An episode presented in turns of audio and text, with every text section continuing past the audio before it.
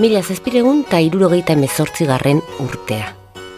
Frantziako iraultza baino hamar urte lehenago, Nafarroan. Epaiketa bat. Funtzionari elebakarrak eta elebidunak aurrez aurre. Herri Euskaldunak eta eskribano belarri motxak. Zerrendak eta bar, eta bar. Zonifikazioa ez da bat ere berria, ez e, kerketa honek ere erakusten duena da, ba urte eta mende asko daramatzagula gai berdinekin bueltaka. Historia beti errepikatzen baita.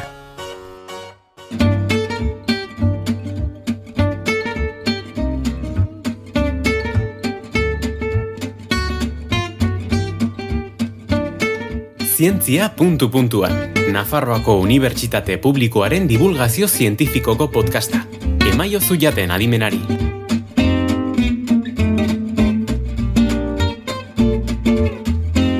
Ongi etorri entzule. Gaur zuzenbidearen historiara hurbilduko gara. Euskararen galera Nafarroan ulertzeko. Hemezortzigarren mendearen bigarren erdian izan zen prozesu judiziala eta Euskararen atzerakadan izan zuen eragina. Gai hori dugu izpide gaur. Hortaz, asko daki Amaia Alvarez berastegin Nafarroako Unibertsitateko doktorea, ikerlaria eta irakaslea. Historia, zuzenbidea, euskera, salda, badago. Salda prest dugu. E, Amaia Alvarez berastegi naiz, zuzenbide departamentuko ikerlari eta irakaslea naiz, zuzenbidearen historian, eta justizia transizionalean doktore naiz, eta gaur egun ba, irakasle naiz e, nupen. Batez ere emezortzigarren mendea jorratzen dut, orduan orain adibidez ba, Euskararen historia emezortzigarren mendean lantzeran naiz, alde batetik, eta beste alde batetik, Nafarroako konstituzio historikoaren eztabaiden inguruan ere beste ikerketa lerro bat daukat. Zuzenbidean aditua Euskara gaietan ikertzen, zer izara maia. Ba, azken batean, zuzen bidea Euskaldunon eremutik kanpo utzi diguten beste eremu bat izan da, eta da, gaur egun, Euskarari lotutako gaiak zuzenbidearen alorrean sartzea uste dela ekarpen bat, ez, Euskararen alde. Banatu dituzten bi alorroiek jorratzeko bide bat, edo uztartzeko bide bat. Euskararen galera emezortzigarren mendean prozesu judizialen ikuspegitik landuta. Nolatan? Euskararen historia ikertzea ez da bat ere erraxa, azteko ba, metodologiaren aldetik erronka ugari daudelako. Alde batetik, iturriak falta direlako. Euskara, ia oigarren mende arte, ba, eremu pribatuan mantendu da, orduan familia artean erabili den hizkuntza izan da, eta ez da gainera idatziz jaso historian zehar, ez da? Orduan dokumentu falta daukagu. Eta gero bestalde batetik, ba, instituzioetan ez da erabili batez ere Nafarroako instituzioetan.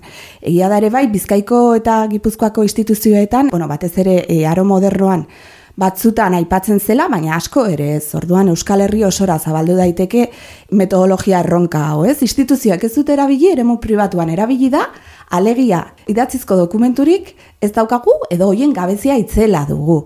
Orduan bilatu behar dira beste mota bateko iturriak historia hau ezagutzeko. Eta horrexegatik, prozesu judizialak iturri dituzten ikerketara jo du. Orain arte egin diren lanak bildu, errebisatu, eguneratu eta berraztertu ditu albarezek. Ze informazio dago emezortzigarren mendeko prozesu judizial horietan?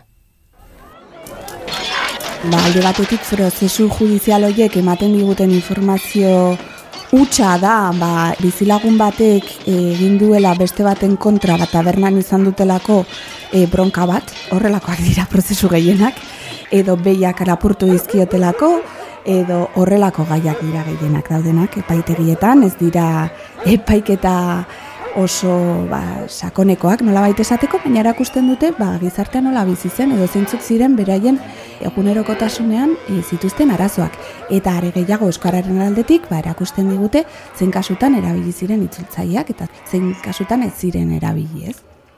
Komisarioak, notarioak, eskribanoak, hartzaileak. Izen asko jasotzen ditu dokumentazioak beraili referentzia egiteko. Nortziren? Justizia administrazioko ofizialak. Herri herri ibiltzen zirenak testigantzak jasotzen. Askotan, jendeak etzekien erdaraz. Eta itzultzaile lanak egiten zituzten. E, amasei eta mazazpigarren mendean, justizia administrazioa garatu zen modu ikaragarrian, ez bakarrik Nafarroan, Europa osoan, amasei garren mendetik aurrera. Orduan epaiketa pila bat egiten ziren. Eta beharrezkoa izan zen, itzultzaile horren figura sortzea. Figura hori zabaldutzen asko, eta bazeuden bi txanda, bi mota. Romanzadoak eta baskongadoak deitzen zieten. Alegia Euskaraz testigantzak hartzen zituztenak eta gazteleraz hartzen zituztenak.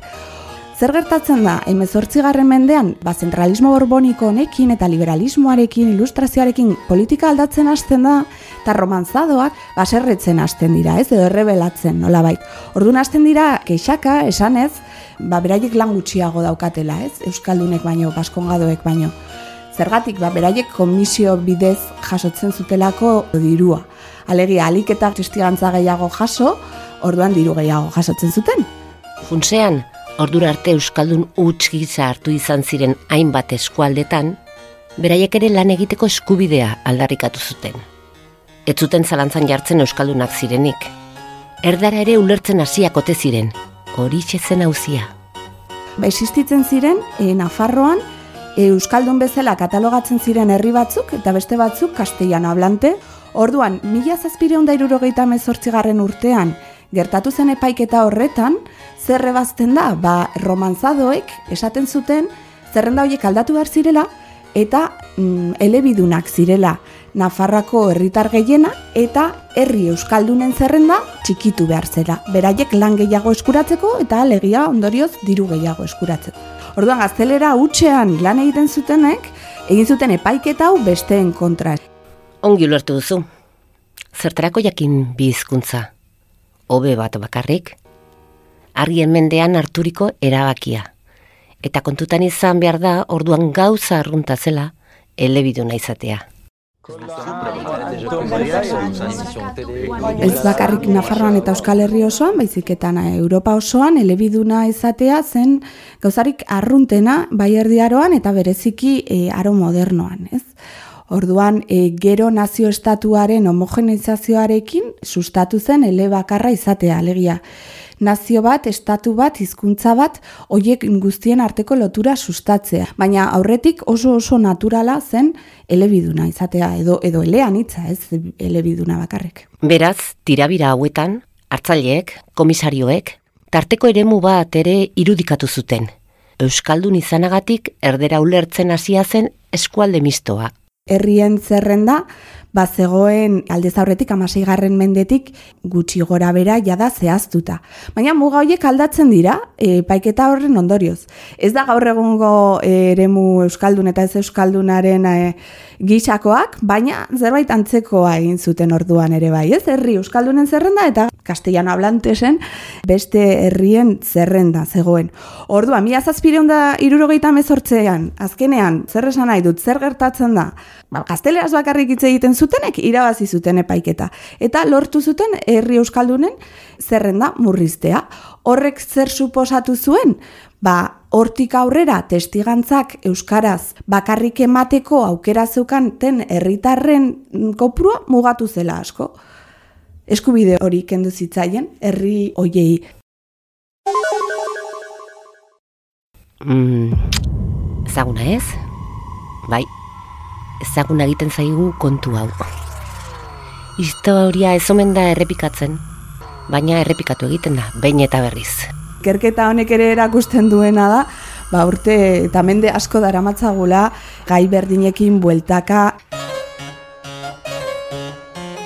Orduan, amasei mendean marrazturiko maparen lerroa mugitu egiten da iperraldera. Eulate, Amilano, Lizarra, Artaxoa, Tafaia, Lerga, Eslaba, irun berritik gora doan lerro berri bat marrazten dute. Herri asko kendu zituzten orduan zerrenda euskaldunetik tartean, Iruñerriko herriko eskorrazko.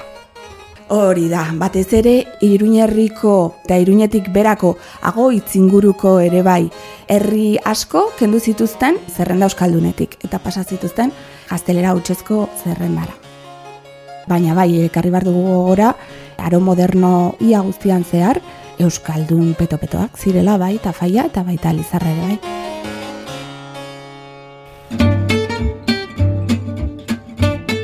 Zientzia, puntu puntuan, nupen podcasta.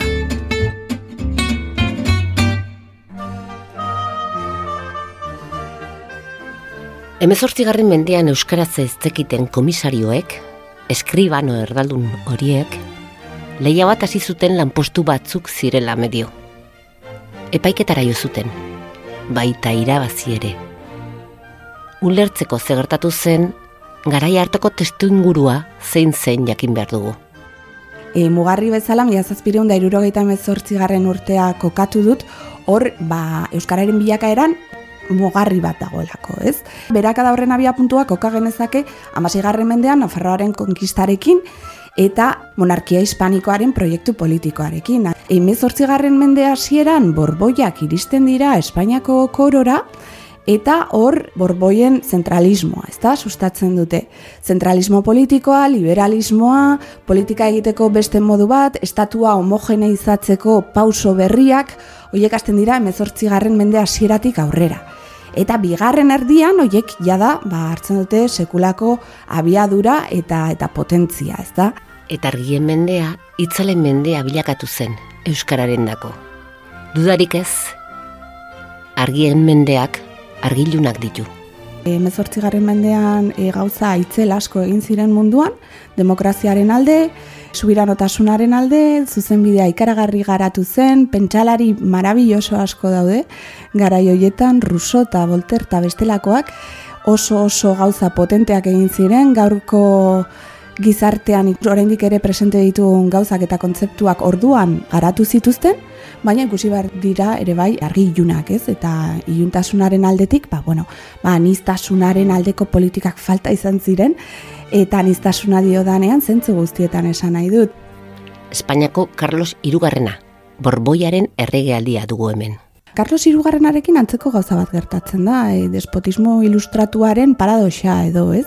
Alde batetik ilustrazioaren onurak sustatu zituen teknologiaren aldetik, modernizazioa ekarri zuen, eta gauza ba, interesgarri asko, baina berriz ere ba, ilustrazioaren marko horretan. Proiektu politiko horretan sartzen ez zena, baztertuz, eta albo batean utziz. Eta, bueno, ba, foruen kontrako garaia da, Carlos Irugarrenarena ere bai, ba, berak estatua homogeneizatu eta modernizatu nahi zuelako, adibidez, Carlos Irugarrenak sustatu zuen derrigorrezko hezkuntza.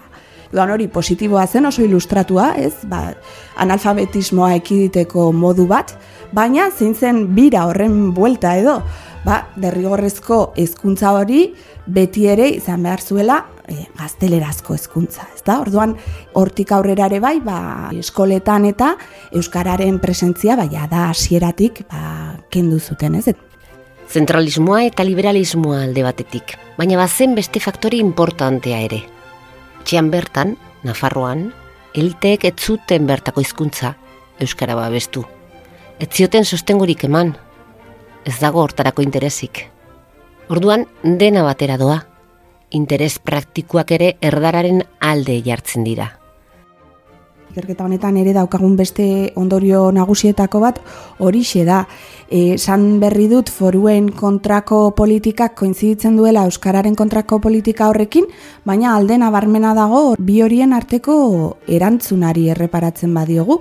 Ze foruen kontrako mehatxu hoien kontra, e, Nafarroko instituzioak altxatu ziren eta foruen defentsa aldarrikatu zen Nafarroko gortetan e, ba, geratzen zitzaion subiran notasun izpi hori aldarrikatu zuten eta defendatu zuten, defendatu, defendatu zen. Euskararen kontrako erasoen aurrean, etzen deus egin, zergatik, ba, Nafarroko gortetan zeuden horiek ere elite bat zirelako. Orduan instituzioen aldetik, antztura hori ere nabarmendu behar da. Eta hori ez da bakarrik Nafarroan gertatu zen prozesu bat ere, e, Europako toki askotan, instituzioetan eta gortetan eta monarkietan erabiltzen zen hizkuntza beti zen refinatuena, ez? Eta eta gero herritarrek erabiltzen zutena ba bestelako bat izaten zen, ez? Oso ohikoa zen Frantzian ere gertatu zen, ez? Bai. Zonifikazioa ez da berria.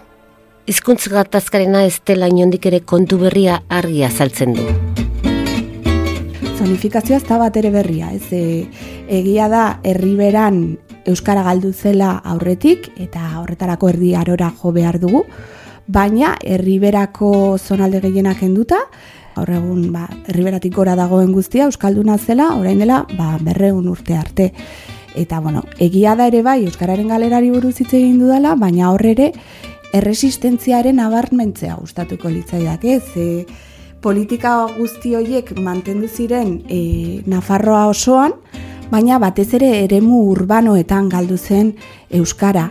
Eta urbanu dio danean, tafaia eta lizarra sartzen ditut kasu honetan.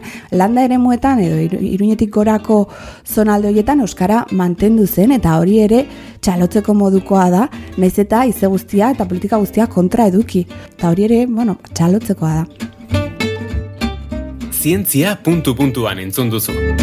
Nafarroako Unibertsitate Publikoaren podcasta. Gozatu zientziaz. Laguntzaileak Nafarroko Gobernua eta Zientziarako eta Teknologiarako Espainiako Fundazioa. Zientziaren eta Berrikuntzaren Ministerioa.